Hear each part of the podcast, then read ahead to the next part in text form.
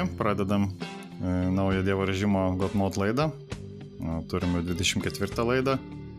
Grįžom po pertraukos prieš dvi savaitės, tai kas, kas nespėjot pagauti dar mūsų sugrįžimų, e, kviečiam pasiklausyti, ką prieš dvi savaitės rašėm.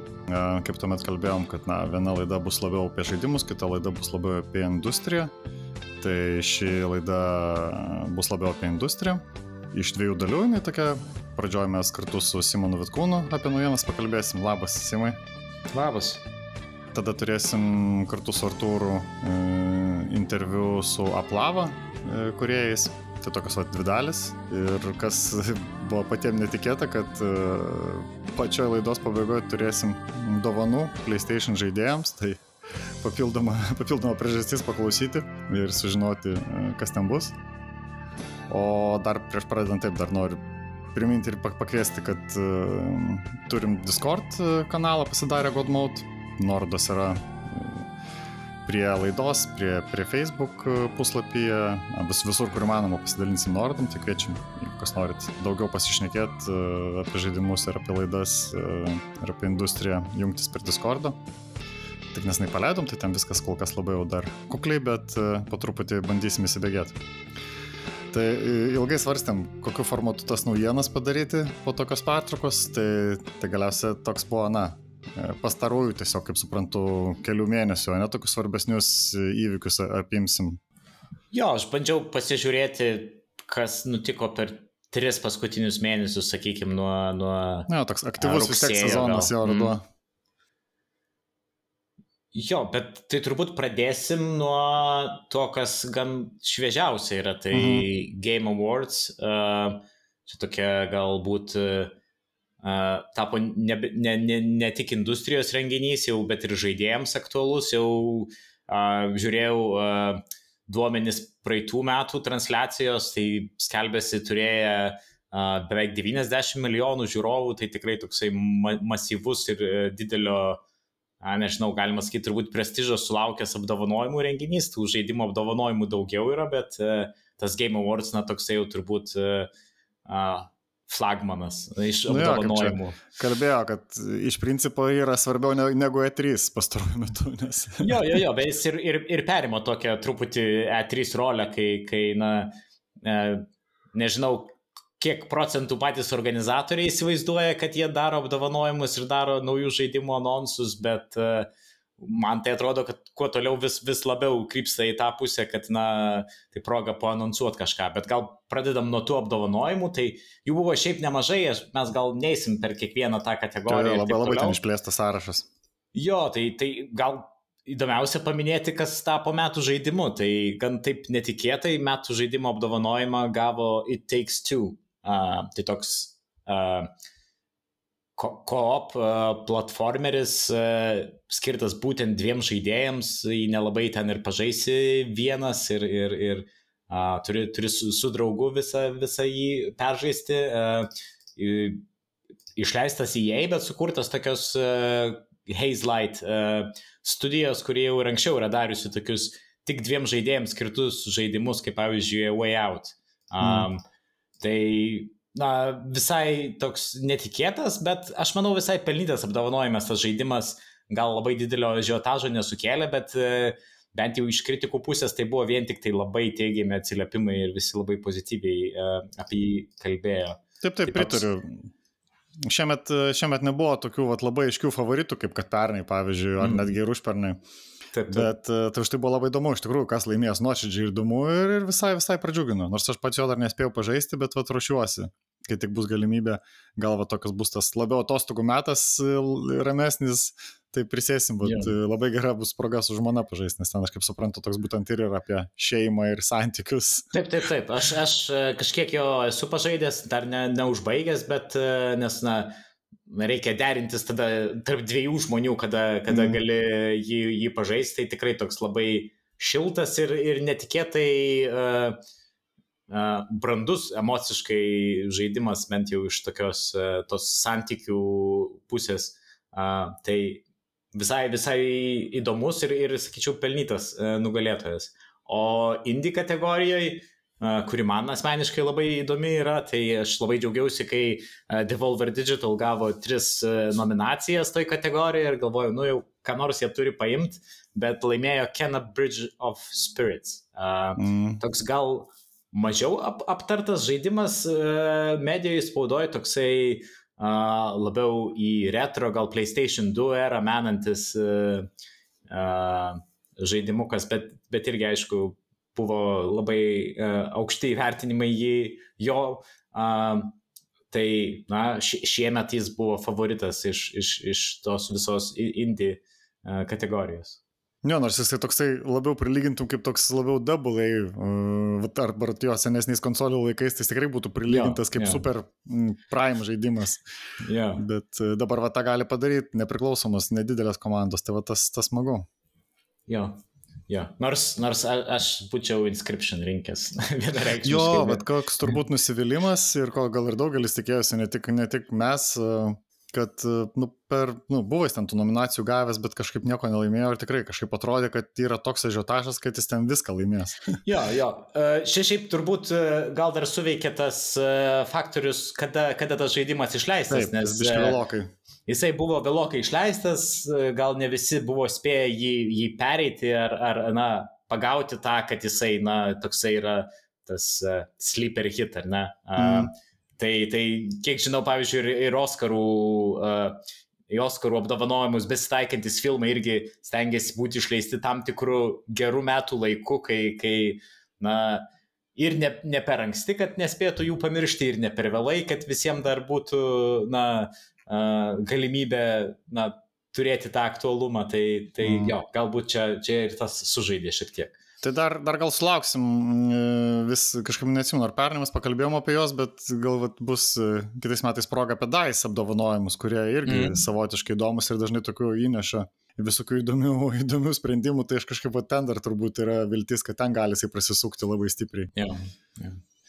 Jo, o kita, kita to renginio dalis, aišku, buvo žaidimų anonsai, traileriai, uh, visokie teaseriai ir, ir, ir panašus dalykai. Tai vėlgi jų buvo labai daug ir, ir na, manau, tie, kas, kas domisi tom žaidimų naujienomis, tikrai turės progą uh, na, pasigūglinti, atsidaryti tą sąrašėlį ir, ir, ir persižiūrėti. Tai ten tikrai, na, kaip, kaip ir sakėm, toksai E3 analogas, ar ne, tai tie, tie traileriai tikrai rimtų, rimtų projektų ir, ir uh, įdomu pasižiūrėti, kas, kas bus uh, kitais metais ar netgi dar kitais metais.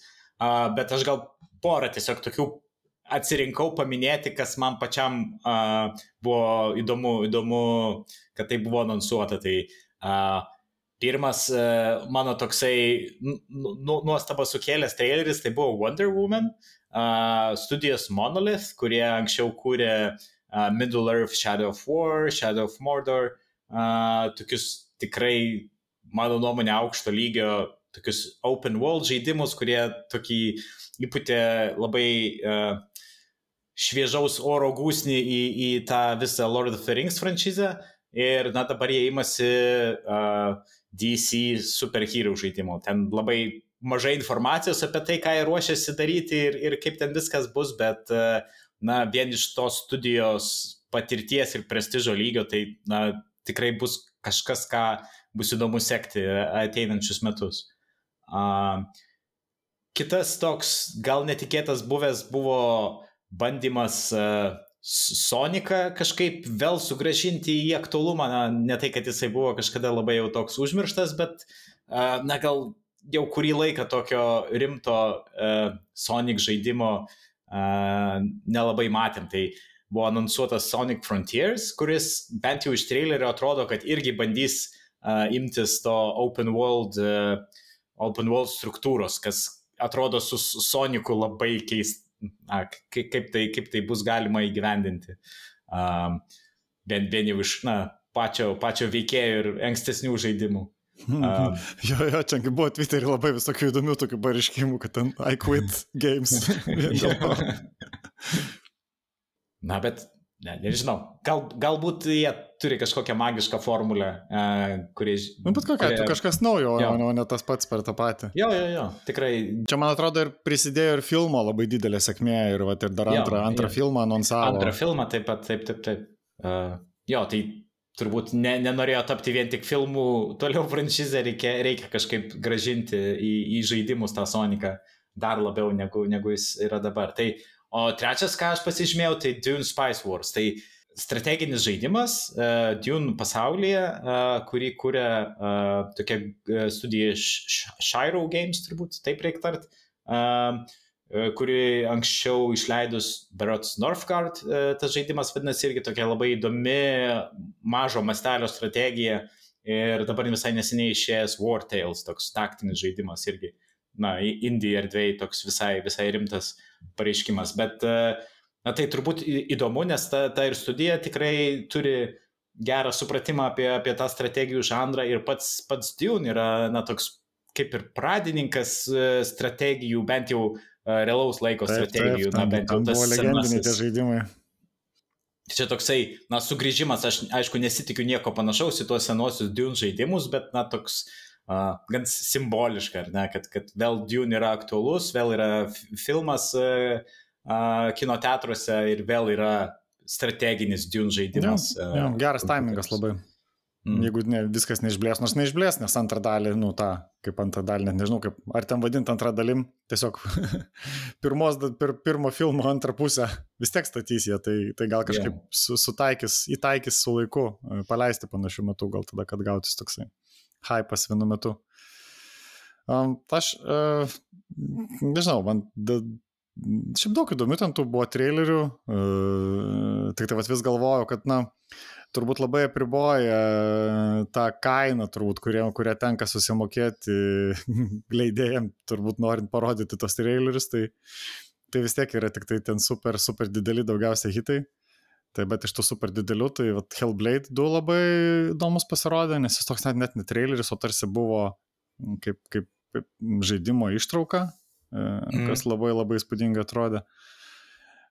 Ir dar Star Wars Eclipse išskirčiau, nors ten, na, apie patį žaidimą aišku nieko neparodo, bet šiaip gražiai, gražiai animuotas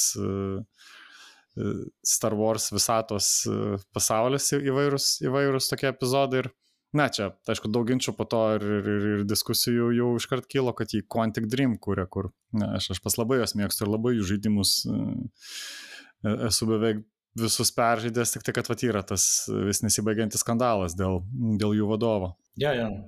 Čia, čia ir, man rodos, Game Awards biški pilos už tai sulaukė, nes jie buvo tokie, bandė kažkokią, nežinau, užsimti poziciją galbūt E, ta kita tema, kurią mes mm. toj kalbėsim apie, apie Activision Blizzard, kad, na, jis, jis Ai, taip, taip. Yra, yra lyg ir prieš ir na, čia, na, Activision Blizzard gali nominuotis, bet daugiau jų ten mhm. apdovanojimuose mm. nefigūruos bet tuo pačiu metu Quantic Dreams gavosi toks hipokritas tam tikras, mm. aišku, sakau, čia tai nu, mastai skandalų, tu jie skirtingi, bet be, bet, bet kokiu atveju tas pats, nu, jisai kaip taip ir liko kabėtas faktas. Tai, na, žiūrėsim, bet, nu, šiaip jeigu ten netims iš jų ir prates, aš manau, kad nu, potencialas yra labai įdomus Star Wars visatui turėti va tokio, tokio approacho kaip Quantic Dream žaidimą. Jo, o kita tema, apie kurią turbūt būtų keista, jeigu mes nieko ne, nepašnekėtume, nes tokia turbūt dominavusi uh, visą rudenį. Didelę dalį, jo, didelę dalį visų žaidimų naujienų yra Blizzard Activision, na, ta visa istorija. Tai uh, na, jinai prasidėjo jau net turbūt seniau negu tas mūsų toks uh, naujienų laikotarpis. Uh, prasidėjo vasarą, taip jau rimčiau, uh, kuomet buvo kalbama apie uh, tą tokį Cosby suit, uh, vadinosi. Mm. Tai tokia buvo kaip pavyzdys tokio labai Uh, labai toksiškos uh, kultūros kompanijos viduje, pilnos uh, labai prasto skonio juokelių ir, ir kurie buvo na, platinami ten gana aukštas pareigas užimančių uh, žaidimų kuriejų. Tai uh, na, tas skandalas lyg ir įvyko, lyg ir praėjo, uh, bet po to kaip ir uh, dangtelio ant to, ant to uh, nežinau, Pandoros skrynios niekas nesugebėjo iš Blizzardo uždėti ir, ir, ir, ir tos naujienos ėjo ir ėjo toliau. Ir, uh, Eskalavosi ten viskas jo, labai stipriai.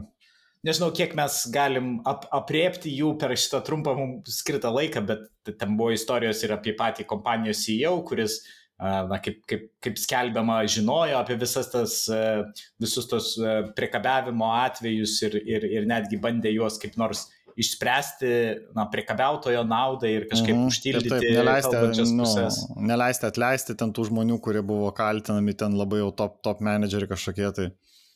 Jo. Ir, ir, ir, ir pats jisai ten buvo išlindusi istorija, kaip jisai ten savo padėjėjai grasino susidoroti, nes jis ten kažką neblogai padarė. Na, toksai labai, nu, labai prastas fonas. Jo. jo. Ir, man rodos, čia ta, ta, ta istorija, Blizzard Activision, nes, nes nu, tų istorijų, kaip tu sakei, ir anksčiau yra buvę ir tas Quantic Dream, ir, ir Ubisoft, mm, visos Ubisoftas problemos. Nesibaigęs irgi, ten nuglaistė, nuglaistė kažkaip. Čia buvo turbūt pirma istorija, kuri prasimušė į tą mainstreaminę žiniasklaidą. Visiškai ten buvo visiškai. ir BBC savo pirmam puslapį buvo įsidėję ten kažkokį pranešimą ir kiti tokie gan dideli vakarų kanalai, ypač, ypač tech e, naujienų e, website irgi buvo pasigavę visus tos dalykus ir gana, gana aukštai juos dėjo. Na, aš žinau, tas Bobby Kotik yra jau tokia figūra, kuris jau išeina už žaidimų ribų, jis ten skaitosi vienas daugiausia apmokamų iš vis vadovų JAV ir, nu, atitinkamai ir pasaulyje ten. Tai už tai ja. jis nu, labai figūra svarbi. Jo, ir dabar yra turbūt, reikia paminėti tą patį paskutinį, nežinau, dalį, skyrių šito, nu, turbūt ne paskutinį, bet, na, mm, naujausią. Epizodą. Jo, besitęsti epizodą, tai yra uh, viena iš kompanijų dirbanti prie uh, Call of Duty Warzone, uh, tai tokia Ravensoft uh, Activision, kaip, kaip dukterinė studija. Uh, jie padarė tokį labai keistą įimą, kai labai didelė dalis uh, jų QA uh, personalo, kurie buvo uh, įdarbinti su kaip, kaip, uh, kaip nežinau, kontraktoriai, kaip uh, mhm. uh, rang, rangovai, nežinau, koks geras lietuviškas atitikmuo, uh, jie, jų buvo tos sutartys nutrauktos, na, būktai jie buvo atleisti. Aišku, oficiali kompanijos pozicija yra, ne, ne, ne, mes nieko netleidom, jie niekada nebuvo darbuotojai, jie buvo kažkokie third party ir, Ir čia mes tiesiog restruktūruojam, optimizuojam viską, na, toksai -hmm. gan įprastas uh, naratyvas iš kompanijos pusės, bet, na, turbūt visi tie prieš tai buvę įvykiai, darbuotojų nepasitenkinimai, bandinimai, na, kurti kažkokią profesinę sąjungą kompanijos viduje, viskas galiausiai na, tai buvo toks gan geras degtukas uh, visai tai situacijai ir, ir, ir dabar na, aš nežiūrėjau, kaip yra paskutiniam uh, dienom, bet, bet buvo darbuotojai paskelbę streiką. Uh, Activision, ne tik Ravensoft, bet ir platesnis. Taip, taip, ten palaikymas platesnis buvo. Jo, ir jie, jie pradėjo ten daug rimtesnius žingsnius darytis dėl tos uh, profesinės sąjungos, kompanija atitinkamai bando neleisti jiem tai daryti, visai pat atkalbinėti darbuotojus, nes, žodžiu, viskas perėjo į tokį labai jau darbo santykių konfliktą į, į tokį, na, į daug, daug, turbūt dar rimtesnę stadiją negu, negu tie tokie skandalai, kurie, na, spaudo išlenda, pasirodo, bet, bet galbūt kažkokių labai uh, realaus pokyčio day to day toj kompanijai neturi. Ja, čia manau bus mūsų einamoji tema ir kitais, kitais metais, bent jau pradžioje, čia tikrai dar ilgai tęsis ir turbūt taip lengvai nesibaigs. Nemanau, jo, kad šį nes... kartą jiems pavyks taip užglaistyti, ten tas vadinamas pakišti po kilimu. E, yeah. Jau čia turės kažkas, kažkas turės atsitikti po šito, ar, ar, ar vatkotika galiausiai atleis. Tai, jo, bet žiūrėsim. sunku įsivaizduoti, koks gali būti vienas kažkoks sprendimas, mm. kuris, na, tą situaciją pakeistų, net ir, net ir CEO to Bobby Kotick išėjimas, na, jeigu, jeigu visa kompanija jau yra persismelkusi mm. tą, tą tokią kultūrą uh, ir, ir to priešiškumu tarp, tarp uh, vadybos ir, ir darbuotojų, tai, tai čia taip paprastai niekas nedingsta. Dar viena naujiena, kurią galvoju reikia paminėti, nes, nes mes e, ankstesnėse e, Dievo režimo laidose labai daug vis paminėdavom, kas ten vyksta, tai yra Apple versus Saga. Epic. E, jo, tai galiausiai buvo paskelbtas teisėjos sprendimas toje byloje ir na, beveik visus tuos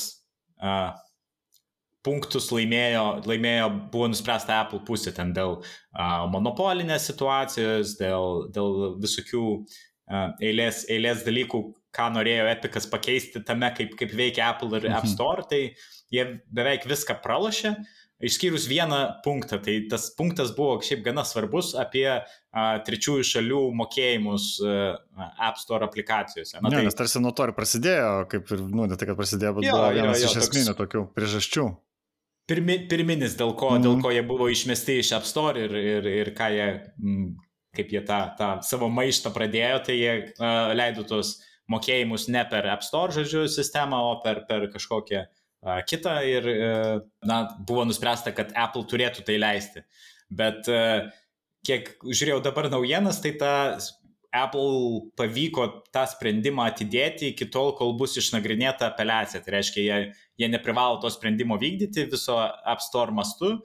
Tai, na, ta apeliacija, tru- kiek bus nagrinėjama, irgi labai didelis klaustukas. Tai, na, čia toksai labai į į ateitį atidėjęs, e, atidėtas e, pokytis, taip kad net, ne, net neaišku, ar kada tai bus, ar tai iš viso bus ir, ir panašiai. O, o patį sprendimą tai abi pusės apskundė. Tiek Epicas buvo nepatenkintas, tiek Apple buvo nepatenkinti to, kas įvyko. Tai čia, žodžiu, tas, tas amerikietiškas teisminis procesas uh, važiuoja toliau. Tai uh, ne, nežinau, turbūt e, sekančios dalys va, šito ginčio galbūt tokio didelio dėmesio jau nebesulauks, kokio sulaukė prieš tai, bent jau iš spaudos, nes jau atrodo ten jau iškalbėta, iš, išnagrinėta viskas. Esmė bus tiesiog tas, tas sprendimas, ar, ar bus priversta Apple pakeisti ką nors, ar, ar, ar visgi ne. Tai va, o dar vienas, dar vienas momentas, kur galvojau, gal reikia paminėti, nežinau, kiek mes čia patys galbūt ne, nesam tų žaidimų labai daug žaidę, bet kažkaip atrodė svarbu. Buvo šį rudenį pora tokių žaidimų išleidimų a, iš didelių kompanijų, a, kurie, na, atrodo visiškai sudegė ir, ir, ir, ir pasirodė blogiausiai iš visoji, kokiai tik gali ir a, buvo labai daug nusivylimų ir, ir, ir pykčio forumuose ir taip toliau. Tai aš čia kalbu apie uh, GTA Remastered trilogiją, tai čia ta, uh, tas pirmasis uh, 3D GTA, tas GTA trečia dalis,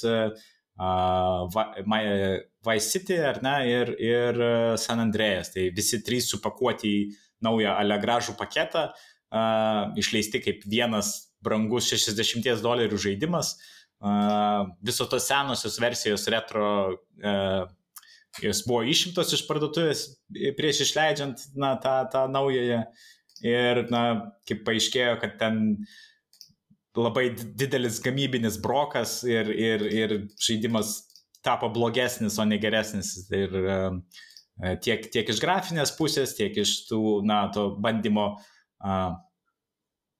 atnaujinti gal technologinę kažkokią dalį, tai uh, ten tikrai tokių, tokių keistų dalykų galima prisižiūrėti YouTube kompiliacijų, kaip, kaip atrodo tos remaster dalys, jeigu, na, turbūt nerekomenduojam jų Mhm. nusipirkti patiem ir e, tikrinti, tai, tai tikrai galima ten pasijuokti. Ir kitas toks irgi nesėkmingas variantas, tai buvo Battlefield 2042.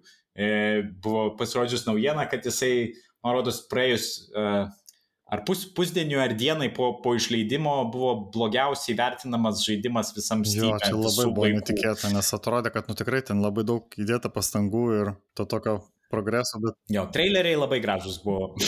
pasirodo ten viskas keura. Jo, jo.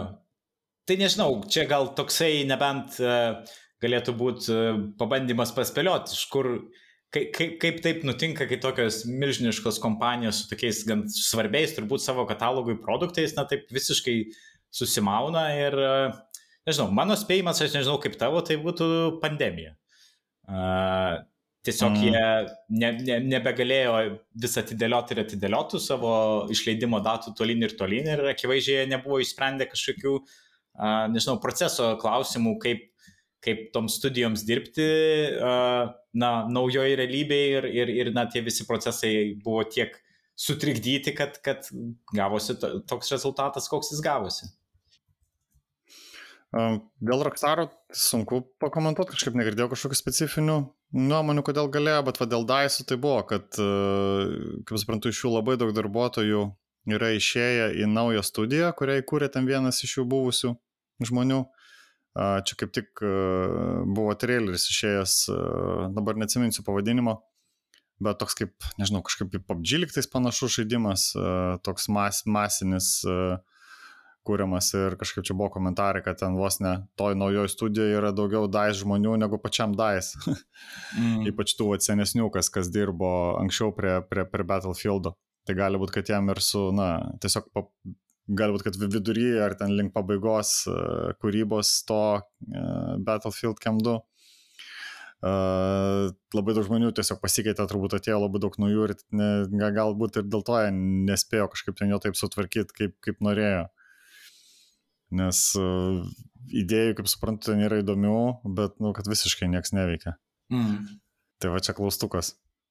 Jo, jo. Bet uh, kažkaip galbūt atrodė, nežinau, man uh, metų pradžioj, kad na, tas kiberpanko toks visiškas, uh, na, gal ne visiškas, bet tam tikras griuvimas veidų į purvą uh, buvo toks, na, grinai CD Projekt Red problema ir, ir bet, na, pasirodo, mm. tai Va, va, tai čia, čia yra keista, kad... platesnis reiškinys, yra, yra su, su tais dideliais yeah. pažadais ir, ir uh, mažais, mažais įgyvendinimo sugebėjimais. Na, net, nes, nesakau, net, net ir pačios didžiausios studijos, nu, Rockstar, jie niekad, nieko, ne, niekur nebuvo taip, nu, suklupę, sakykime, ar koks čia galėtų būti žodis, bet... Uh, jo, tai kad aš sakau, aš ten tą gatą mažai sekiau istoriją, mm, bet, uh, nu jo, tu, turint, turint tokią nu, didelę fanų bazę ir tokį kultinį, kultinius žaidimus biškai gaila, kad jie taip kažkaip vis dėlto nesugebėjo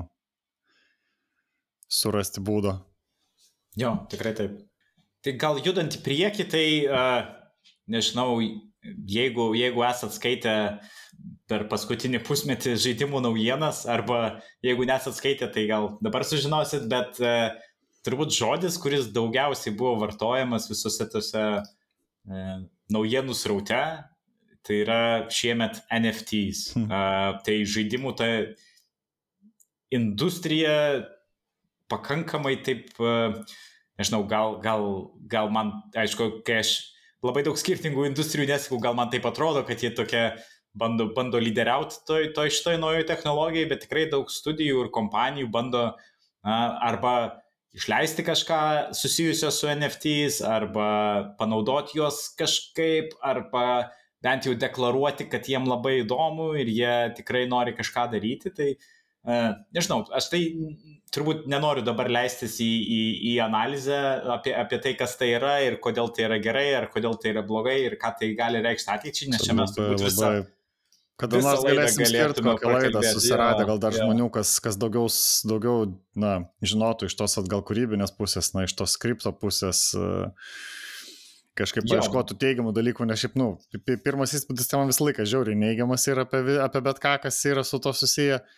Bet, na, reikėtų, reikėtų duoti šansą papasakoti žmonėms tas, kas su to dirba ir gal, gal, gal sugrįšim. Manau, kad tikrai sugrįšim prie šito, nes Lietuva irgi labai daug ja. visi apie tai kalba. Uh, Jo, jo, bet, bet ir aš manau, industrijai pačioj tai yra toksai gana skaldantis ir terminas, ir, ir, ir pati ta kryptis tokia yra, na, nėra, nėra gal tokių visai abejingų, arba, arba labai patinka, arba ne, arba mm. tiesiog dar, dar nežinai, ar tau patinka ar ne, bet uh, tai čia gal tokie pavyzdžiai buvo uh, iš, iš paskutinių kelių mėnesių, kai Ubisoftas išleido uh, Tom Clancy's vienam iš žaidimų seriją šalmų su skaičiais, kurie, kurie irgi yra kaip na, tie NFTs uh, tokenai, uh, kuriuos galima ten pirkti, parduoti. Uh, kažkaip uh, EA deklaravo, kad, kad jie mato savo žaidimuose labai stiprią tą NFT ateitį, kas šiaip turbūt netgi labai logiška, nes, nes jie turi tą visą FIFA Ultimate jo, Team ekosistemą.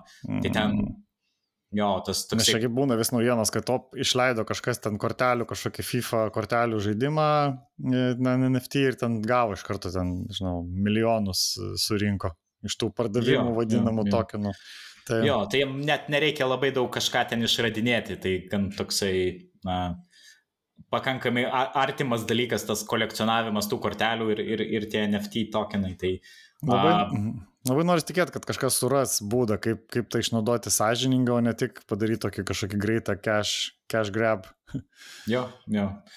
Jo, ir, e, o šiaip iš, iš, iš tų platformų tai irgi tokios gan, gan skirtingi tie signalai. Tai Steamas, pavyzdžiui, visai uždraudė žaidimus, kurie su NFT susiję ir negalima ten pas juos nieko uh, dėti iš, iš, iš, tos, iš to žanro, sakykime, gal uh, taip apibūdint. App Store'as neleidžia kaip ir NFTs naudoti, bet na, tai NFT žaidimai dabar randa visokių būdų tą apeiti, kai tu, na, appse kaip ir su tais NFT nieko veikti negali ir jų kaip ir nelabai gal net ir matai, o po to per browserinę kažkokią versiją pasijungęs tą patį akantą, tą patį žaidimą jau ten gali leisti savo pinigus, ten pirkti kažką ir, ir, ir, ir spekuliuoti. Uh, o Epicas tai pasakė priešingai negu Steamas, bet nežinau, man tai atrodo gal net turbūt dėl to, kad kadangi Steamas pasakė ne, tai Epicui jau reikėjo taip, sakyti taip. taip. Čia tai Epicas sakė, mes, kalbėt, mes bet... laukiame NFTs, jo. Jie ieškos galimybių, kaip uh, būti kitokiais ir pasiūlyti kažką, ko uh, šitas Steamas nesiūlo. Bet jo, čia dar, nu, anksti vis tiek, dar čia labai, nepaisant to, kad va, didieji vardai jau tarsi žengia į šitą, bet uh, labai labai dar anksti ir labai vėl. Nu, tarsi, kad, nu, lygiai tas pats buvo prieš kelis metus, kai buvo tas pirmas kripto, kripto burbulas. Ir irgi ten buvo mm. krūva, krūva pasiūlymų, krūva idėjų, kaip, kaip žaidimuose tą išnaudoti, bet kažkaip taip niekas labai ir neišgyveno. Jo. Tai žiūrėsim, kaip bus šį kartą. Nu, yra, yra šiaip, šiaip uh, yra tų uh, NFT žaidimų jau, jau keletas, kurie tokias labai ašaras spaudžiančias sumas uh, surenka, mm. jie, bet jie nėra iš tų uh, didžiųjų leidėjų, iš tų didžiųjų publisherių. Uh, tai yra Axie Infinity toks žaidimas, turbūt dabar mm. žymiausias ten. Uh, kortų žaidimai yra keli, ten Splinterlands toksai, na, jie uh, jie kaip ir, kaip ir turbūt jau ne, nebegalima sakyti, kad nesėkmingi jau savo pinigus susirinko, kiek, kiek pats žaidimas jų gyvuos ir, taip, pirminį, ir taip, kokie, čia... kokie ateitis, tai, tai nu, reikės, reikės palaukti dar. Ja, čia kas su viso šitų baisu, kad galiausiai, nu, tie pirmieji, ko sugalvoja taip, ir pirmi žmonės, kurie iššoka į visą šitą, jie iš to laimės, bet gali pralošti visi, visi tie, kurie vėliau ateis, nu, kad tas piramidės principas, jeigu jisai suveiks ir jeigu tai yra tikslas padaryti, va tas ponzi, ponzi, tas schemas, ponzi piramidės, tai galiausiai nukentės e, vėliau prisijungia žmonės, toks, toks jausmas. Tai labai, labai norėtųsi, kad bent jau dalis e, to nedarytų ir kad tai tikrai būtų kažkoks va, sėkmės tokia istorija plačiaja prasme. Bet čia tikrai grįšim, man atrodo, ne kartą kalbėsime apie šitą. Jo, ir dar vieną šitokią istoriją pasirinkau, jau mes jau gan ilgai išnekam, bet aš noriu pasinaudoti progą pa, pareklamuoti uh, man labai patinka YouTube kanalą, tai jisai vadinasi People Make Games.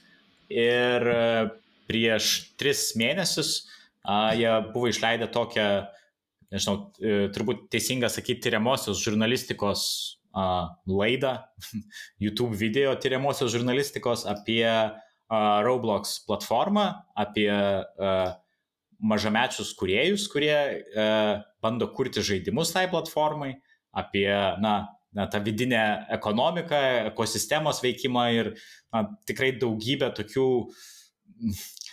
abejotinų sprendimų ir abejotinų dalykų, kurie tą Roblox kompaniją daro ir, ir, ir priema tiek, tiek reklamuodama tą žaidimą jaunai auditorijai, tiek ir po to, na, spręsdama kažkokius piniginius klausimus. Ir visai neseniai prieš, prieš savaitę išėjo dar viena antra dalis to tyrimo, uh, kuris dar labiau įlenda į tą e, triušio narvelį ir dar daugiau suranda įvairių istorijų ir pavyzdžių, kaip na, ne, ne viskas yra taip spalvota ir gražu iš to Robloxo žiūrint iš šalies. Tai nežinau, aš tai gal labai nelysiu į tai, kas ten yra pasakojama, bet tikrai rekomenduoju pasižiūrėti, tikrai įdomus tyrimas ir tikrai tos keliamos problemos jos yra tokios gana opios ir visai jos negauna šiaip dėmesio kitur. Nors pati, pat, pats Roblox jau pagal tą rinkos uh, vertę yra didesnis už Nintendo. Tai toks visiškas gigantas žaidimų industrijos ir jisai toksai gan užmirštas ir paliktas mm. veikti savo dalykus. Jo, ir, ir atskira visata tai, kažkokia, ja. kur ten nieks prie jo nelenda visi tik stebisi, kiek pinigų uždirba ir gal ten reikia jau iššokti ir, ir pa, pa, patiem kurti žaidimus, bet mm, jo. Dažniausiai, kur yra kažkokios va toks didelės, didelės galimybės, tai ir atsiranda būdų. Jo, tai ten turbūt toj, toj, toj, tam visam tyrimė ta tokia juodžiausia žymė yra susijusi su tuo, kad tai yra kalba apie vaikus. Ta auditorija mm. Roblox yra labai jauna ir uh, na, dalykai, kur, sakytum, na, nas, galbūt ten nesažininga, galbūt nelabai viskas ok, bet na, žmonės patys tai nusprendė daryti, patys pasirašė, na, galit kaltinti patys save. Tai, tai tas, kai atsiranda vaikų dėmuo, tai kurie galbūt tų, tų sprendimų ne visiškai gali priimti labai racionaliai ir, ir, ir na, atsakyti už juos po to patys, tai, tai atrodo tikrai daug praščiau, negu, negu tai būtų kažkoks na, eilinis didelio leidėjo išnaudojimo kažkoks atvejis. Tai na, tokia labai, labai, labai žmogiškai viskas tada nuskamba apie tos vaikus, kurie ten bando kurti ir, ir, ir bandau kažką užsidirbti ir, ir jiem ten kaip tik reikia pinigus mokėti, kad ten bandytų tą savo sėkmės mm. istoriją susikurti ir, ir panašiai. Tai va labai rekomenduoju. Mhm, jo, pasidalinsim, aš pasižymėjau, pasidalinsim nuorodą tada prie laidos aprašymo šito kanalo. Jo, tai aš, aš manau, iš, iš užsienio naujienų gal ir, gal ir tiek, jau mes čia nemažai jų apžvelgėm, aišku, tikrai buvo jų dar daugiau, bet, na, į 30 minučių suspaust kelis mėnesius. Na, taip, taip, jo, nesinori, nesinori pertimti labai, labai daug, nes, na, vis tiek, jeigu seka, tai maždaug vis tiek žinot, kas vyksta, bet va čia tokius jo esminius akcentus norėjusi taip sudėti, už ko galima užsikabinti ir toliau gal pasidomėti. O mes jau kadangi, na, stengsime jau taip ir reguliariau grįžti su šitom, su šitom laidom, tai e, paseksim, paseksim ir toliau, kas vyksta. O iš lietuviškų tai aš irgi tai pagalvojau, kad reikėtų, reikėtų peržiūrėti, e, kas spėjo pasirodyti iš e, naujesnių žaidimų. Tai kelias noriu pavardinti. Čia vat, nuo vasaros, nuo vasaros irgi pabaigos, nuo rudens. Tai taip, jeigu einant per, per, per kalendorių maždaug žiūrint, tai ir ką galima, vat, na, ką galima išbandyti vienai per kitaip. Tai Uh, išėjo Early Access toks na, strateginis uh, fantasy žaidimas uh, Spire of Sorcery. Čia yra Charlie Oscar kuriejai, kurie anksčiau išleido mm, tokį visai sėkmingą Gremlin Sync žaidimą tokio managemento. Tai, tai, na, čia jis toksai daug, kiek kalbėjau, vad su Artūru, Artūras žaidžia, ruošiasi parašyti irgi apžvalgą, nu, bent jau to Access versijos, kad, na, tikrai, tikrai pakankamai sudėtingas ir hardcore'nis toksai žaidimas. Bet na, labai gražiai atrodo ir na, labai daug ten teksto, labai daug žodžių reikia gilintis ir, ir, ir žiūrėti, kaip ten kas veikia. Bet toks labai jau toks fantasy loras, e, platus ir, ir įdomus. Tada, tada yra e, visai kitoks e, PC žaidimukas, apie kurį tiesą kalbėjome anksčiau, tai Time Loader. Tai yra studijos Flasm žaidimas, ten nedidelė kelių žmonių studija kurių dalis yra Lietuvoje, dalis e, Rusijoje ir kitose šalyse. Tai toks retro stiliaus platformeris, platformeris MPC jau pilnai išėjęs, jo taip pat galima nemokamai demo versiją pasibandyti. Tada, tada buvo keletas žaidimų e, studijos Nikivox, kurie kartu, kartu su Atari perleido keletą jų ten tų tokių klasikinių žaidimų kaip e, ten Centipede ir kiti ten dar keli, dabar net užkrito pavadinimai, e, bet jau iš tų, iš tų visai visai senų laikų. Ir va čia tik prieš, prieš kelias dienas paskutinis išėjo, nu tai jau tas asteroids. Tai jie tiesiog, na, e, tarsi e, perkurti naujiems, naujiems laikams, nors, na, išlaikant ir klasikinį tą gameplay, bet ten taip gal labiau vizualiai tokie, su tokiais vat, retro, retro irgi stiliaus visokiais efektais. Tai galima pabandyti ant um, visų ir MPC, ir ant visų konsolių, man atrodo, jie yra išleisti. Tai tiesiog jo pagal Recharge, Atari Recharge reiktų ieškoti e, seriją. Tada kas buvo irgi įdomaus, kad e, porą žaidimų senesnių išsileido konsolių versijas lietuviško, kas e, na, ilgą laiką tikrai labai būdavo retas reiškinys, kad lietuviškas žaidimas pasirodytų konsolėse. Tai uh, buvo Bloody Rally, žaidimas, kuris pelnė, pelnė nu, pas, paskutinius mūsų kol kas vykusius žaidimo apdovanojimus, tai buvo išrinktas geriausių PC žaidimų. Ten toks įdomus procedūrinis ralio žaidimas, nu, toks iš, iš viršaus vaizdų. Uh, tai jis išsileido konsolėse. Ir Blazing Bigs, kuriai, su kuriais mes kalbame šitoje laidoje, irgi va, dėl to ir buvo proga grįžti, grįžti prie jų ir, ir juos pakalbinti, nes jie būtent išleido PlayStation versiją. Uh, jie seniau buvo išleidę su, su, su leidėjais ant Switch'o, uh, čia prieš, prieš gal metus. Ir po to vat, buvo ilga pauzė, nes, nes jie tikėjusi su leidėju išleisti ant kitų konsolių, bet galiausiai, galiausiai teko, teko jiem na, apsiemė ant savęs. Tai vat, patys išsileido konsolinės versijas, tai o, tikrai didelis darbas, bet labai, kaip svartu, ne, neblogai jam pavyko. Tai vat, įdomu, įdomu apie jos daugiau sužinoti, tai likite, likite su mumis laidoj toliau. Uh, ir tada visai, visai irgi neseniai e, išėjo VR žaidimas Crystal Raiders. E, irgi mes esam kalbėję su jų kuriejais studijoje tokiu pavadinimu Nieko. Um, tai, irgi buvo išleidę ilgą, ilgą laiką, tas žaidimas buvo kaip ir, na, toks kaip ir vis išleisdavo tokius, na, demo tarsi versijas e, pri, prisijungimam, uh, tokiam va ilgesniam pasibandymam. Tai teko ir man pačiam bandyti, jis toksai, na, fantasy stiliaus, e, irgi ten toks pasilakstimas po, po pilį ir pašaudimas ir tokių visokių ten spastų veikimas ir, ir, ir taip toliau. Na, jis orientuotas į, irgi į koop labiau žaidimą. Uh, nors at būtent vat, kalbėjau su kuriejais, kad jie vat, per, per, per šios metus, vat, kol, kol vat, užtruko visas tas tvarkymas jo ir tobulinimas, tai vat, labiausiai ir fokusavosi, kad padaryti taip, kad ir vienam, vienam žaidėjui būtų pakankamai įdomu. Tai, tai, tai jį kol kas galima išbandyti Steam platformoje ir kol kas tik tai ant, na, tų vadinamų laidinių, laidinių VR renginių. Tai Valvo VR, Oculus Rift ir Vive jeigu neklystu. Svarsto jie, ką daryti, kaip pritaikyti questui, nes na, tas tada atidarytų visai, visai didelę rinką, nes dabar vis tiek dauguma turbūt questus turi. Uh, bet, uh, bet uh, galbūt pavyks dar vėliau. Tai, tai toks vat, visai nemažas, sakyčiau, nemažas derlius, čia praktiškai viskas per rudenį išėjo. Visai toks, toks aktyvus laikas, tai smagu. Žiūrėsim, tikėkime, kad ir ir kitais metais e, sulauksime nemažai žaidimų, nes šiaip tai turėjo dar ir daugiau jų pasirodyti, bet vėl čia irgi pandeminis efektas, kad e, e, ypač tie, kas daro šiek tiek didesnius, sudėtingesnius žaidimus studijos, tai jos vis, vis atidė, atideda, atideda. Tai kelių žaidimų, kurių laukiam šiemet, didesnių, tokių, labiau tokių gal, na, dar labiau tokių promising, kur, kur galėtų ir sulaukti ir tokios, na, potencialiai didelės ir pasaulinės sėkmės, tai jų, jų dalis atidėta. Tai žiūrėsim, kaip bus kitais metais. Bet va, tikrai yra ką pažaisti. Ir jo, tikėkime, bus, bus ką išrinkti ir apdovanoti iš jų, mm, nes da, dar keliais žodžiais prieš pabaigiant šitą mūsų laidos dalį, keliais žodžiais apie, apie mūsų tos didžiosius renginius, buvau užsiminęs ir, ir praeito laidoj, bet, na, kol kas dar aišku labai anksti kalbėti, tai kviečiam tiesiog išsisaugoti datas kažkur kalendoriui, nes e, paskutinį sausio savaitgalį, tai yra vat, e, sausio 28-30 dienom planuojam surenkti Game Jam.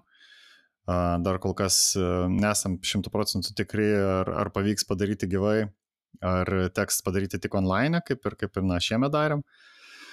Tikimės, kad pavyks turėti bent dalį gyvai renginio, tai daugiau detalių skelbsim kitų metų jau pradžioj. O taip pat e, kartu su Gimdžiamu pačią pirmąją dieną, kaip ir praeitą kartą turėsim Lietuvo žaidimo apdovanojimus. E, tai čia bus e, sausio 28. Tai bet kokiu atveju irgi.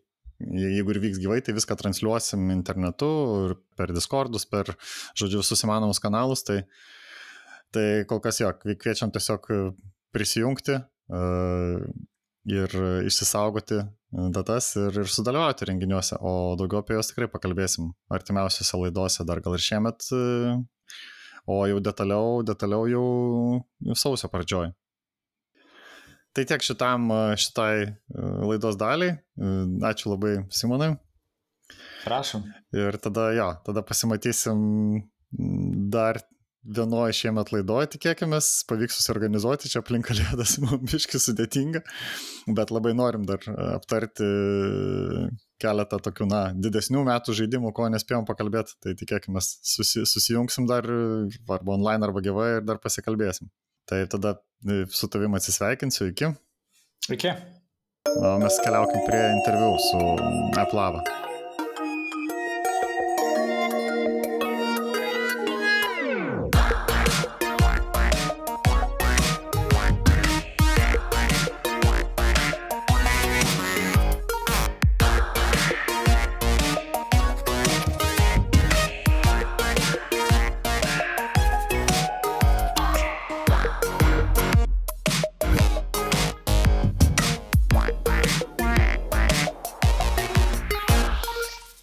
Sveiki sugrįžę, tai tęsiam toliau laidą ir kalbamės su studija Aplava. Tai yra su Tomu Putanu ir Eduardu Klenauskiu. Sveiki, tikiuosi teisingai ištariau pavardės. Sveiki. Sveiki, sveiki. Taip pat prie mūsų jungiasi Arturas Rumansovas. Labas. Labas. Šiaip labai senai norėjom pakalbėti su, su jumis, bet kažkaip vis laukiam, vis laukiam progos, nes na, žaidimas, apie kurį kalbėsim, kaip ir nėra toks naujas, bet jisai nesenai išėjo ant konsolių. Apie PlayStation versiją ir turas rašė 15 minučių, tai dar irgi nuorodą pasidalinsim.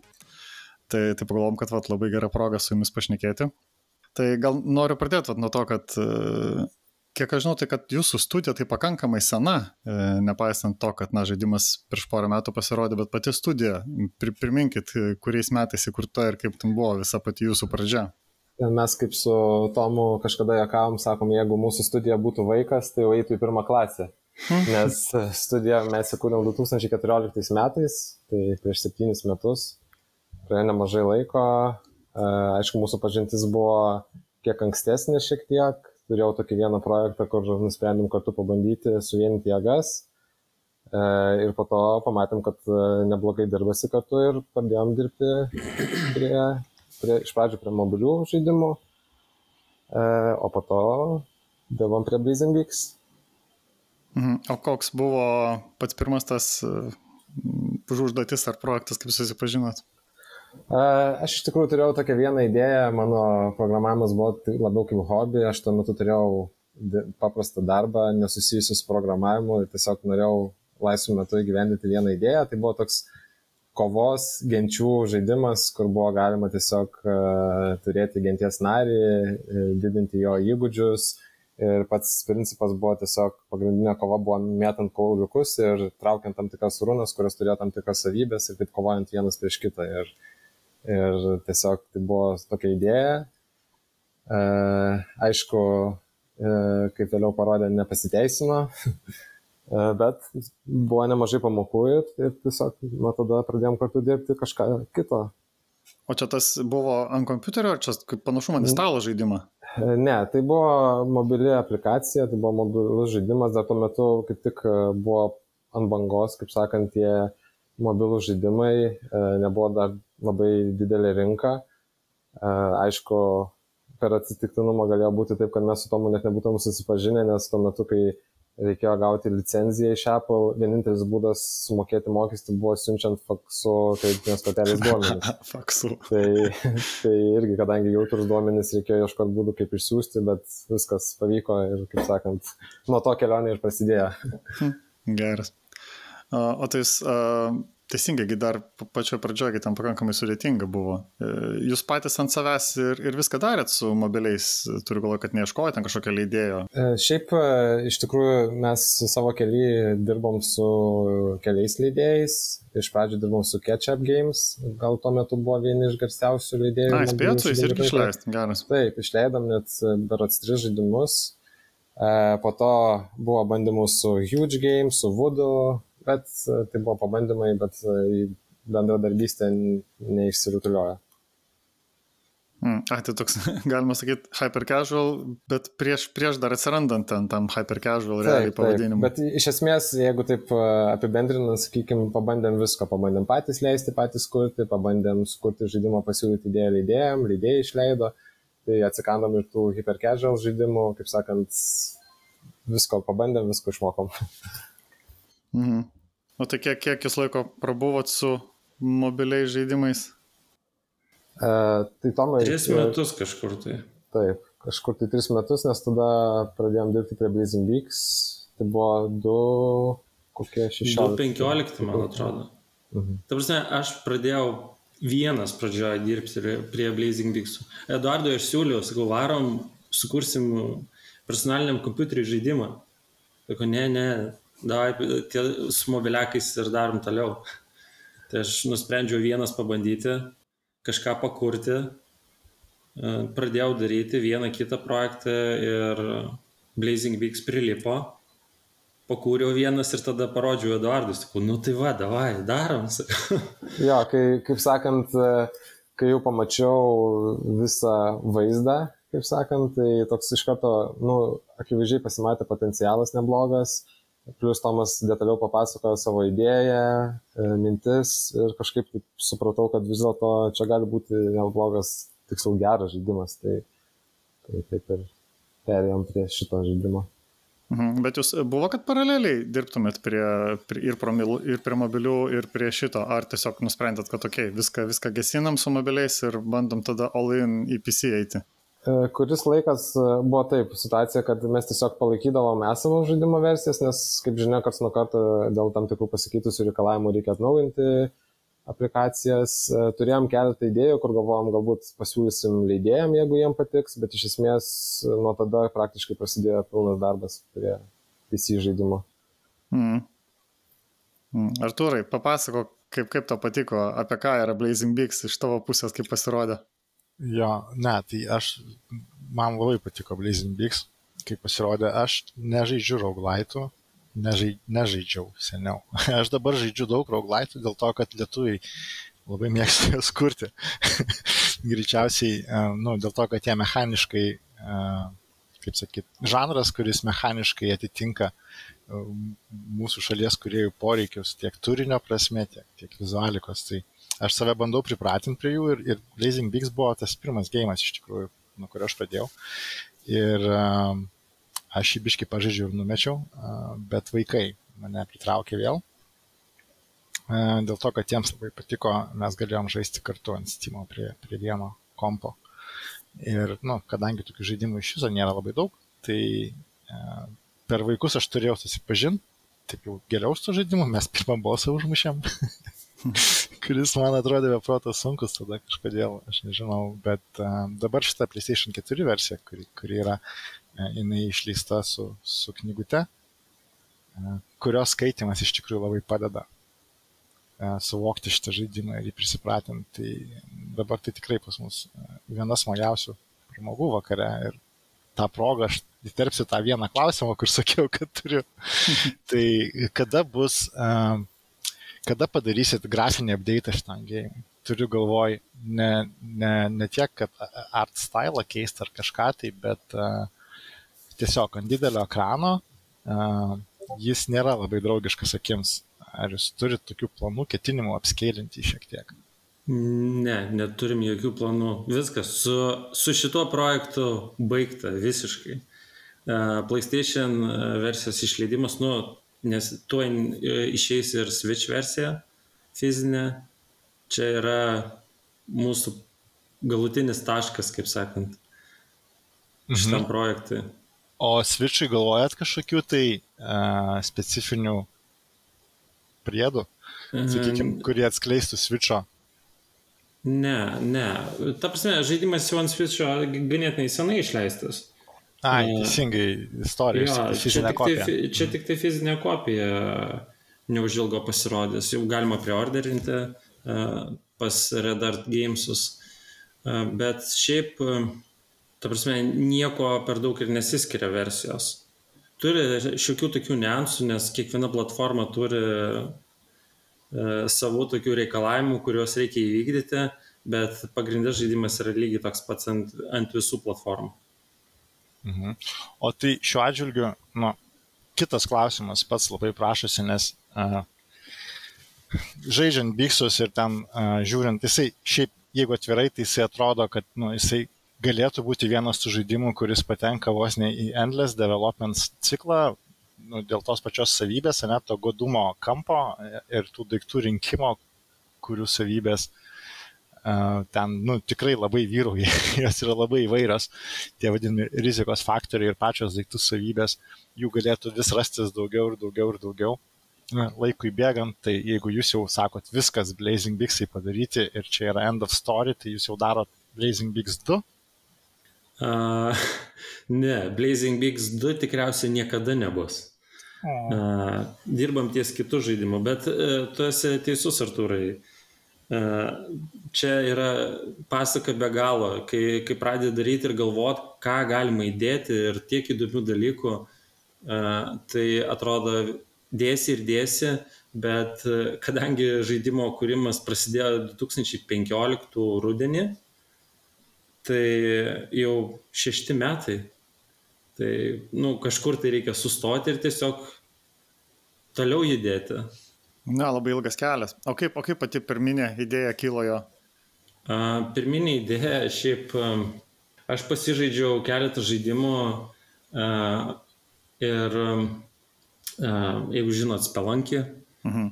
Ir Spelankį Classic tai sukurtas irgi gimikeriu. Tada tuo metu atsirado Nuclear Thronas, kuris irgi gimikeriu sukurtas.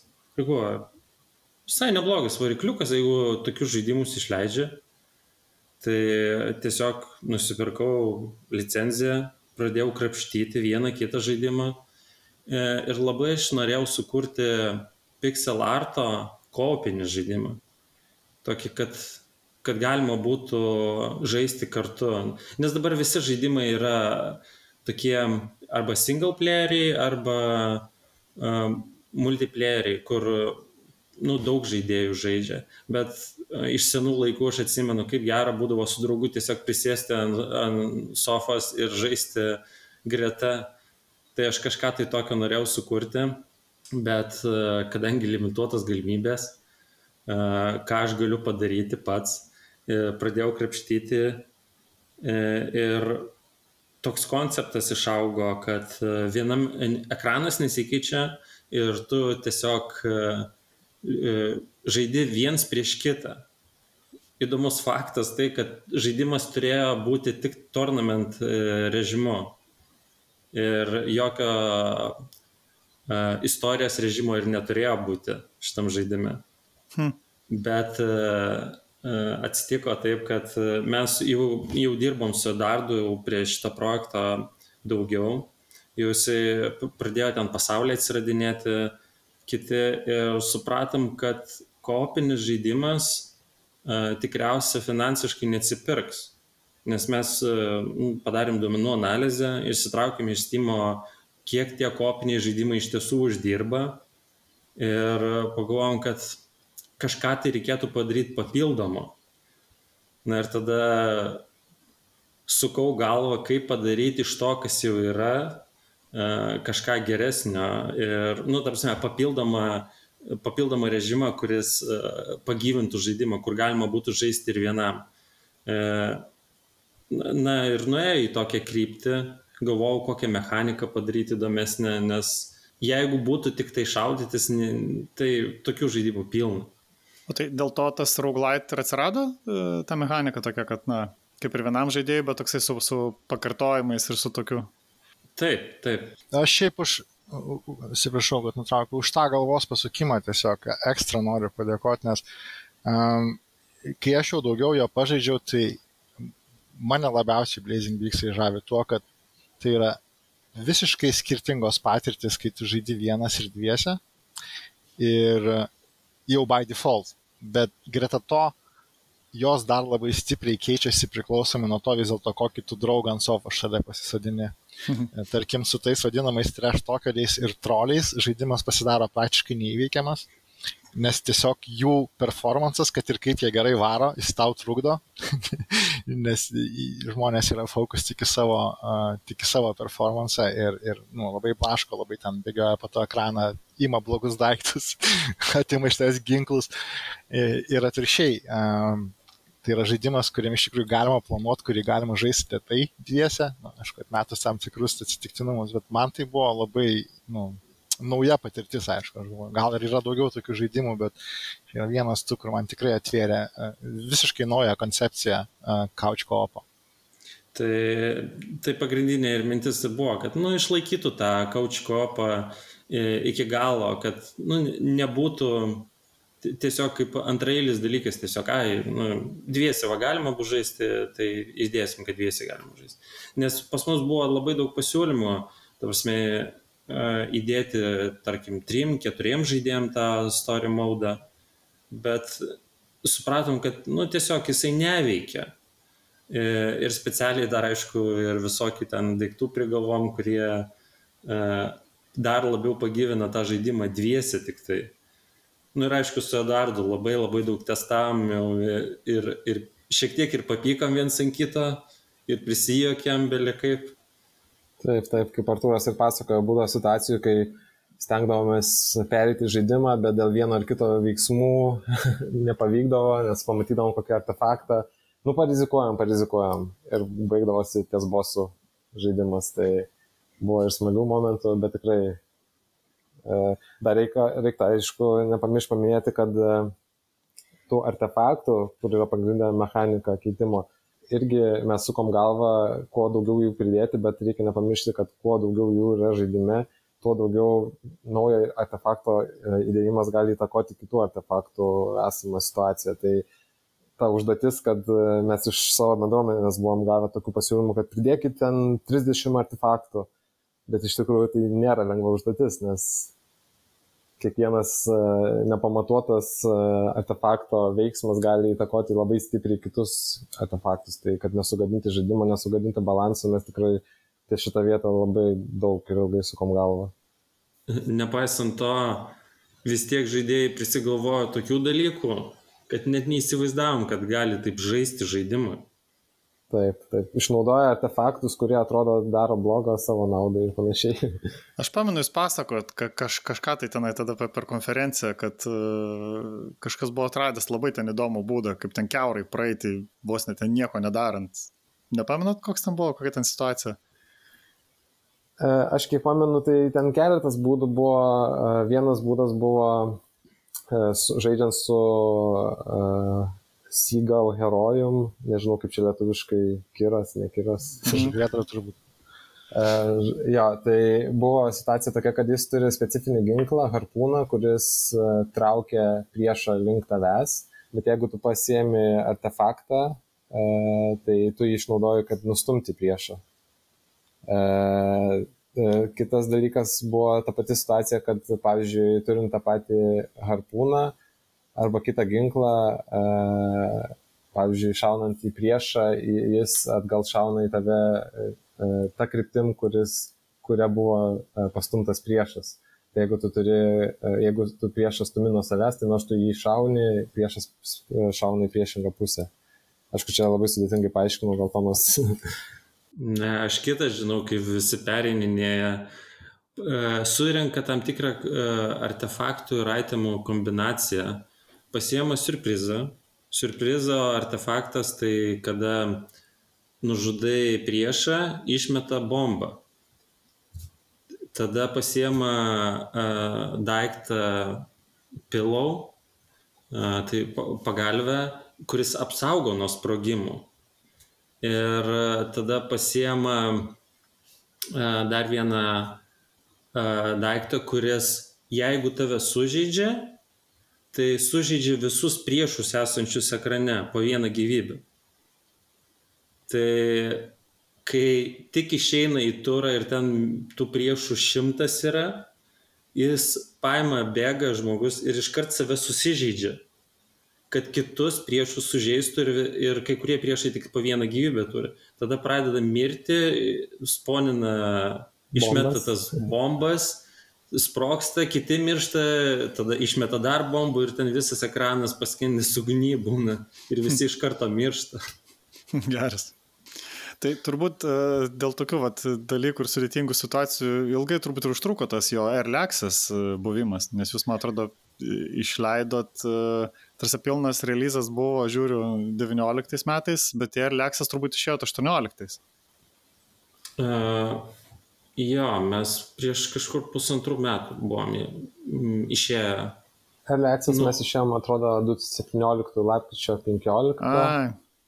Uh, bet aišku, reikia nepamiršti, kad e, mes per tą laiką Lexas padarėm labai daug update'ų, ta prasme, pridėjom labai daug kontento, tai žaidimas to, ką, ką matė žaidėjai po išleidimo, labai buvo papildytas lyginant su Access.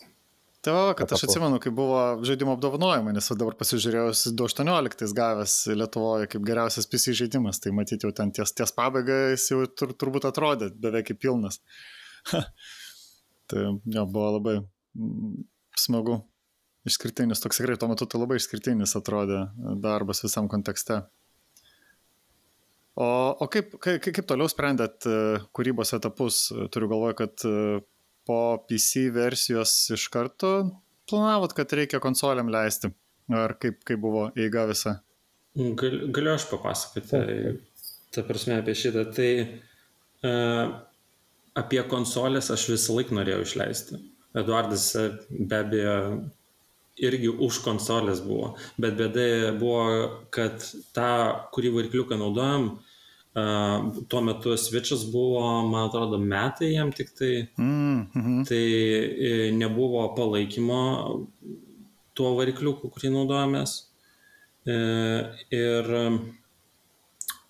ir ki, kiti tie dalykai, nu, prasme, čia ne tik, kad reikia va, iš sportinį žaidimą ir viską, bet tu turi gauti leidimą iš, jeigu naudoji, pavyzdžiui, PlayStation, tai iš Sony leidimą, kad tau leistų apskritai nusipirkti devkitus, leistų naudoti uh, tuos pluginus, kur galima portinti ir taip toliau ir taip su kiekviena, ar Xbox, ar, ar Nintendo. Tai mes nebuvom tikri, kad galim patys išleisti. Tai pradėjome kažkur tai nuo vasaros ieškoti, kas galėtų mums išleisti. Ir Eduardas rudenį, 2018 m. rudenį išvažiavo į Lenkiją į, į konferenciją praplėsti kontaktų, tai daugiau gali papasakoti. Ja, tai būtent toje konferencijoje sutikau, nu, turėjau nemažai susitikimų iš tikrųjų ir labai daug leidėjų buvo susidomėję Dizimbyk žaidimu. Aišku, jie pristatė savo komandas ir tokiu būdu išsirinkom, mums atrodo, tuo metu atrodo geriausias variantas buvo, tai turim Switch'o versiją išleista yra QB Games, Lenkų leidėjų. Tai nuo to, met, nuo to laiko ir prasidėjo su bendradarbiavimu su jais. Iš tikrųjų, visą portinimo procesą darėm patys, o, o jie rūpinosi išleidimu, marketingu ir panašiai. Aišku, turim ir siaubo istoriją apie leidėjus. E, kokių istorijų to manai? Siaubo istoriją. Ai, siaubo, jo, aišku, kadangi nu, mes esame dviejų žmonių komanda, tai iš tikrųjų, ką tikrai supratom, kad sukurti žaidimą galbūt yra netgi lengviau negu sėkmingai jį išleisti.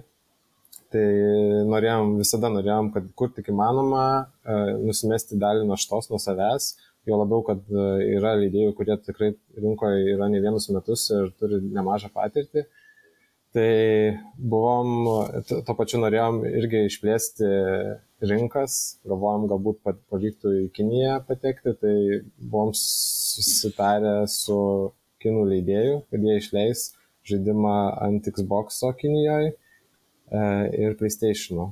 Bet uh, užtruko visas šis procesas, nežinau, pusantrų gal du metus ir galiausiai nutraukėm su jais sutartį, nes jie ne, nevykdęs to, ką žadėjo.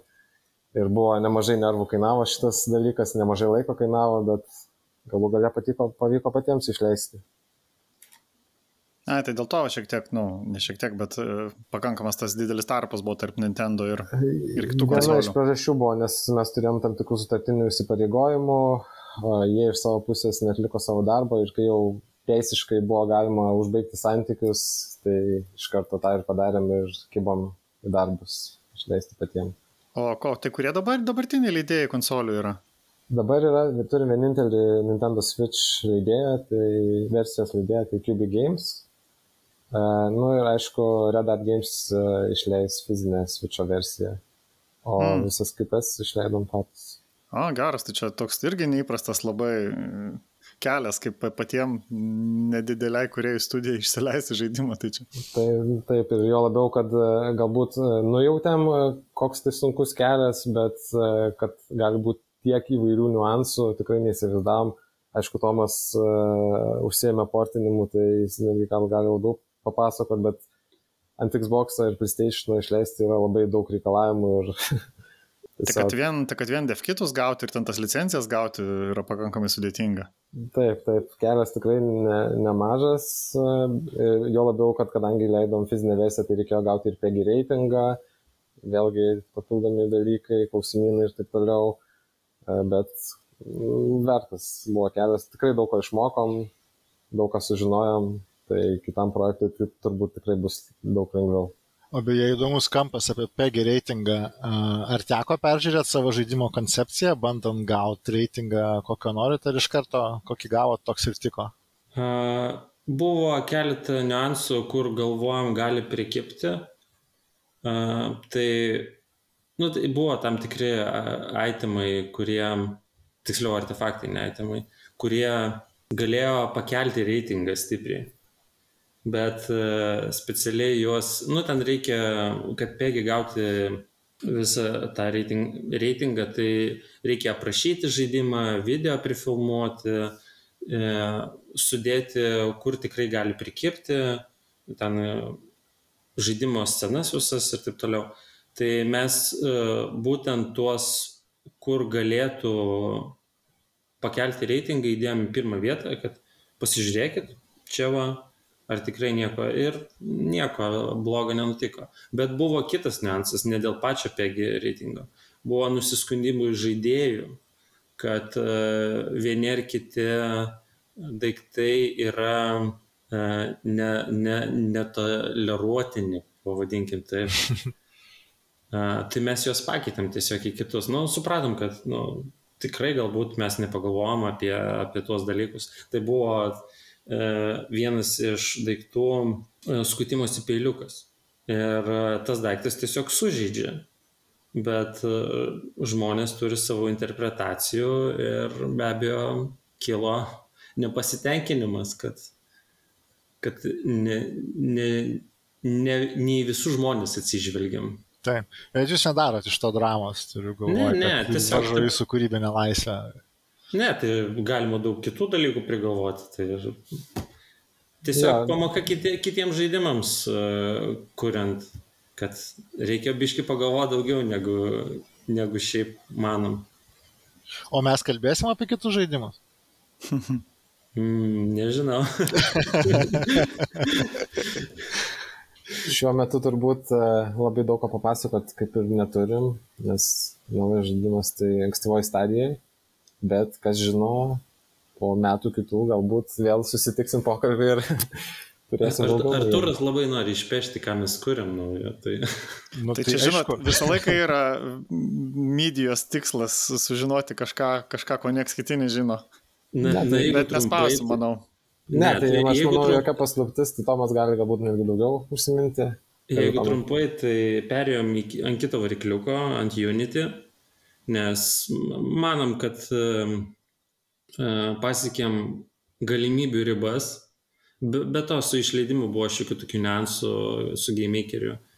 E, tai ir plus nuo žaidimo stiliaus mums reikėjo pakeisti be abejo varikliuką. Tai darom 3D veiksmo nuotikių žaidimą. Veiksmo, veiksmo nuotikių žaidimas su kirčiu ant veiksmo ar su kirčiu ant nuotikių? Uh, sakyčiau 50 ant 50. Aha, labai intriguoja.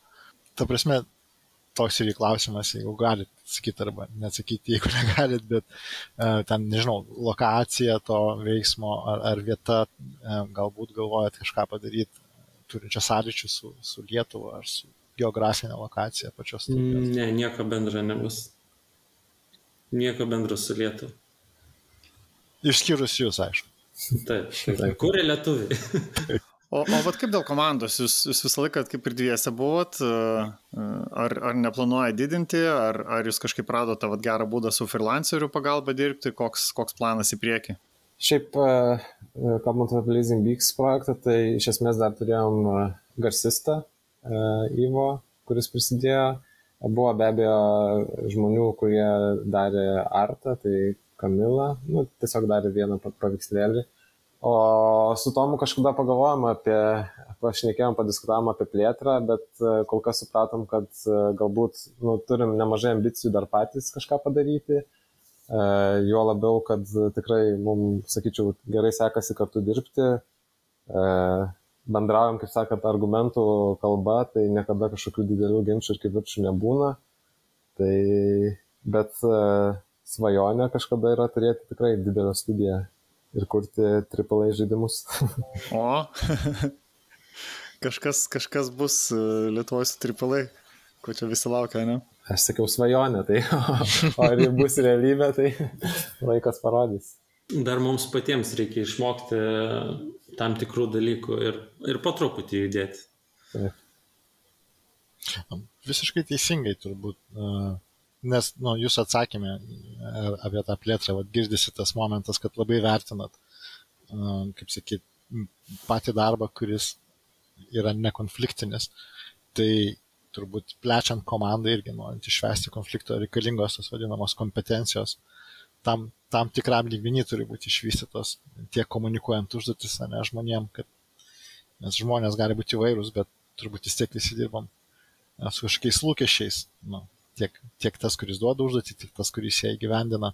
Tai kuo daugiau patys žinosit, tuo turbūt bus lengviau ir su ta plėtra.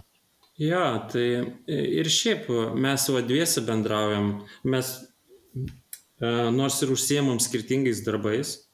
Aš daugiau prie dizaino, Eduardas prie programavimo. Aišku, ten, kadangi tik dviesi, tai tenka viską daryti. Bet būna, kad iškomunikuoti sudėtingai yra, ko būtent norisi. Aš jau įsivaizduoju, kaip tas veikėjas juda ir, ir vieną ir kitą animaciją, kaip turėtų pereiti, bet reikia tai užprogramuoti dar. Ir tada man reikia perteikti Eduardui, kaip tai, kaip tai turėtų veikti. Ir, ir tada jaučiasi toks skirtumas, kur, kur vienas, kaip vienas mato tą patį dalyką, kaip kitas mato dalyką. Tai čia, čia aišku, gal nieko ypatingo ir nėra, nes jeigu pasakysiu nupieš paukštį, šimtų žmonių nupieš skirtingai. Taip, bet, bet, bet svarbiausia gal e, pridėsiu, kad E, tas išsiaiškinimo momentas yra labai svarbus, nes e, pradžioj darbo kartu aš pastebėjau, kad, sakykime, lyg ir atrodo viskas aišku, labai gerai perteikta, bet vis tiek, sakykime, turiu savo interpretaciją, padarau ir kažkaip, nu, ne tai, ko, ko norėjusi ar panašiai, bet kuo toliau, tuo labiau supratom, kad svarbiausia pirma yra iki galo išsiaiškinti. Tai būna, kad ir e, perklausėm viens kito, padiskutuojam, uh, kartais galbūt e, geriau nei žodžiai veikia vizuali dalis, tai būna ir, ir papaišom, ir, ir netgi video būna, žodžiu, tikrai tas procesas toks įdomus, bet uh, to neišvengsi, kaip sakant. Tai um, mes čia turbūt artėjom jau prie mūsų pusvalandžio, kurį kirtam ką tik. Uh, artėja game jamas, mes, kaip žinom, jūs gan dažnai uh, juose dalyvaujat turit planų šiemet žemint? Aš galbūt, jeigu tuo metu bus laiko. Aš nežinau, tiesą sakant, kada gimdžiamas, vis laik sausio pabaiga, bet kurią tiksliai dieną. Paskutiniam sausio 28-30 numatytas. Šiaip e, jokingas faktas, e, aš e, nei karto nesu dalyvavęs gimdžiame, galbūt esu kažkada Tomui šiek tiek padėjęs su įgarsinimu, bet žinau, kad Tomas tikrai dalyvaudavo ir laimėdavo kai kurios, e, bet tikrai e, labai gerai pažįstu šitą renginį, kaip sakant, tai e, iš savo pusės tikrai rekomenduoju visiems, kurie kažkiek domisi žaidimo kūrimu, tikrai sudalyvauti, nes tikrai atsiras ir bendraminčių, surasit komandą ir tikrai labai smagus laikas. Jo, tai va, gal Tomui, gal Tomui klausimas, kad va, ar, ar tu, kadangi dažnai dalyvauji, ar būna, kad nu, kažkaip paskui ar dalį idėjų, ar kažką perkeliai jau, jau į pilną e, žaidimą? Ar pritaikai savo žaidime? Visą laiką norisi, kai kažką gero darai ir konceptą kažkokį turėjau, netgi prae, ne praeitų metų, kada čia 2020 sukūriau tokį žaidimą FitKit Ir tikrai aš matau idėją jam, kur, galėtų būti pilnas žaidimas. Bet e, aš e, kalbėjau su Edardu apie tai. Prasme, kadangi mes dviese kūrėm, bet čia galioja ir jeigu ir didesnė komanda. E, man yra 36, tai sakykime, iki pensijos liko man kokie 30 metų. Tai per 30 metų kiek aš galiu žaidimų sukurti? Gerą žaidimą, va, nu, sakykime, Blazing Beaks geras žaidimas, jau šeši metai kūrimas vyksta. Nu, tai jeigu tai paėmus, tai penki. Tai geram žaidimui penki metai yra. Nes e, šiaip žaidimo kūrimo trukmė yra kur kas trumpesnė, bet pats palaikymas e, užtrunka daug ilgiau. Tai jeigu penki metai ir aš turiu 30 metų, tai galiu sukurti šešis žaidimus tik tai. Tai reikia rinktis, ką reikia kurti. Šiaip beproto įdomus kampas. Aha. Šitą dažnai, dažnai užduodamą klausimą, bet tikrai uh, labai uh, teisingas požiūrio kampas, aš galvoju, iš šitos pusės pasvert. Apskritai čia ne tik žaidimo kūrimui, apskritai iš principo idėjom, idėjų atrankai. Perfrazuojant knygų frazę, kad negalima skaityti gerų knygų, nes neužteks gyvenimo, reikia skaityti tik labai labai geras knygas, tai gal ir su žaidimais, kad negalima kurti gerų žaidimų, reikia tik super gerus kurti. Taip, taip, taip. Čia jau nekalbant apie žai, žaisti žaidimus, nes uh, kai suaugi, tai iš vis laiko mažiau lieka. Žaidimų sąrašas mane toks ilgas, o laiko tiek mažai. Jo, jo. O, amžina dilema tarp to, ar kurti, ar žaisti beklaugai kaupėsi, nu nieko, kas nors sugalvos tiesiogiai smegenis paduoti, kada nors, kai sulauksim pensijos ir galėsim išnaudoti tą laiką. Visą beklogą sužaisti. Galėtų trumpesnius žaidimus kurti tiesiog. Kitko, vat, turėjau vieną sykį, aš šiaip aišku irgi kaip, nu, kadangi senai žaidžiu ir rašau apie žaidimus, kaip kritikas visą laiką dažniausiai nori ilgesnio žaidimo, ypač jeigu jisai geras. Nu, nes tu rašai kritiką ir paskui žmonės gali spręsti pirkti ar nepirkti ir jeigu kažkas nuperka už 60 eurų kažką, kas trunka 3,5 valandos, tai yra vis tiek vienas iš vertinimo kriterijų, kad jis labai labai gero žaidimo 3,5 valandos yra daug vis tiek, bet uh, žaidėjas galbūt mano, kad per mažai. Ir turėjau neigiamą požiūrį į trumpus žaidimus, uh, bet uh, irgi vat, būtent turbūt tas šventės 40 gimtadienį sužaidžiau žaidimą, kuris truko 15 minučių ir pagalvojau, kad aš norėčiau iš tikrųjų daugiau tokių žaidimų, nes tokiems aš visada galiu rasti laiko ir, ir uh, nu, pilnai juos pasinerti ir džiaugtis tuo, kad aš nenumečiau jų, kaip su dauguma kitų nutinka, po 20 ar 30 valandų. Galėtų būti atskiras verslo modelis, trumpi žaidimai. Vat Netflixas gal tokį pristatys.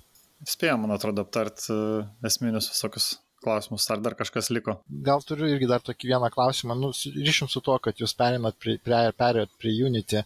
Aš dažnai to klausiu pas kuriejus, bet įsivaizduokim, kad mūsų klauso būsimas žaidimų dizaineris ar, ar, ar žaidimų programuotojas, kuris dabar tik tai pirmus žingsnius žengia, kuris variklis yra geresnis vis dėlto pačioj pačioj pirmoji pradžioj, kad mokytis žaidimų kurėjo amato jūsų požiūriu, tai būtų Unity ar GameMakeris? Be abejo, GameMakeris. Aš sakyčiau, aš nesu programuotojas ir sugebėjau e, padaryti žaidimą iki galo. Ir nupiešti, sunimuoti ir užprogramuoti. Tai sakyčiau, kur kas daugiau gali padaryti. Ta prasme, varikliukas yra tik įrankis, iš esmės. Tai reikia daryti su tuo, kas tau yra lengviau. Ši, šiaip dar prieš GameMakerį buvau pradėjęs netgi kitą varikliuką. Toks Construct vadinasi. Mhm, teko girdėti. Jisai dar yra paprastesnis. Tai iš esmės, kas, e, kas yra lengva, jeigu žmo, žmogus, kuris va dar tik tai pradeda, tai siūlyčiau pabandyti viską.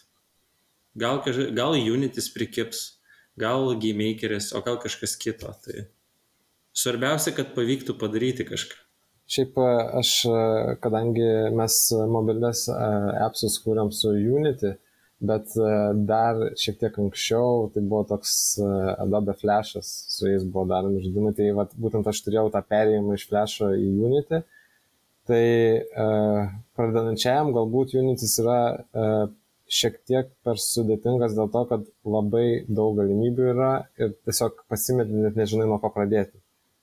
O GameMakeris, aš kaip suprantu, aišku, aš su juo labai nedaug dirbau, minimaliai, bet e, jis toks simplistiškesnis, mano nuomonė, tai pritarčiau Tomui, kad galbūt pradėti nuo GameMakerio, mhm. lyginant su Unity. Tai ką, dėkui labai, labai faini patarimai pabaigai. Ir pabaigai šiaip e, mes su Tomu norėtumėm e, klausytojams šiek tiek dovanų padovanoti, va kaip tik šventės artėja. Tai kadangi didžioji pokalbio dalis buvo apie Blazing Beak žaidimą, kaip jau minėjom, esame išleidę ir fizinę PlayStation kopiją, tai norim penkias jų padovanoti. Tai pirmieji klausytojai, kurie parašys laišką mum į konkursas etaplava.com, gaus dovanų. O, čia geras surprizas. Tai ačiū e, už šitą. Mano požiūriu, tikrai kolekcinė vertybė, a, nes nėra daug a, žaidimų a, lietuviškų išleistų dėžutėse. Ir, ir netgi tie, kurie yra išleisti, yra savotiškas raritetas dėl satikinai nedidelio tiražo. Aš manau, kad a, nudžiuginsit tikrai penki žmonės kalėdų progą. Taip, labai tikrai smagi staigmena. Tai dėkui. Ir mane nudžiugino šita, š- šitas išleidimas, nes man kaip žaidimų kuriejai, jeigu aš neturiu savo žaidimo rankose, jis neegzistuoja. Nu, šio laikinėse laikuose, kai, kai viskas yra skaitmeninė, tai niekas nežiūri į tuos fizinius dalykus, bet aš, aš dar senų gal pažiūriu ir, ir man norisi. Aš atsimenu, kai, kai PlayStation 1 dar žaidžiau apie 2000 metus ir dabar turėti PlayStation 4 savo žaidimą rankose, tai yra nu nerealu. Tikrai pritarčiau, kad nerealu ir aš netgi nustebau, kad mes aišku išleidom e, limi, limituotą skaičių versijų, tai 1005 kopijos ir mane labai nustebino atkeliavęs siuntinys, kad tai yra 120 kg siuntinys. Aš kažkaip net neįsivaizdavau, kad 1005 dėžutės bendroji sumoje gali sverti 120 kg.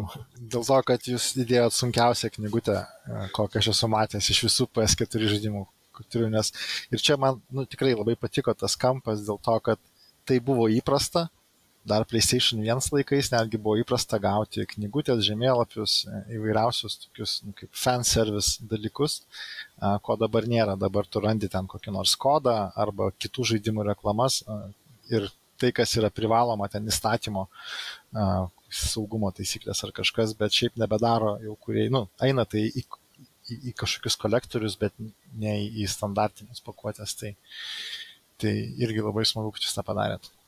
Taip, tai jo, dar kartą sveikinimai su, su konsolių releasais ir ypač jo su fizinė kopija. Dėkui labai, kad prisijungėt pakalbėt.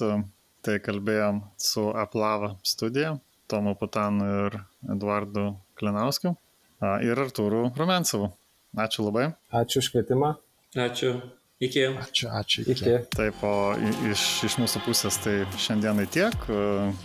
Laukiam, kaip ir minėjau, pradžioj Discord'e ir dar šiemet spėsim vieną laidą išleisti. Tai su naujais dar nesveikinu, bet su, su Kalėdų šventėm jau galima pasveikinti ir tada laukit naujos laidos prieš pat naujus. Iki.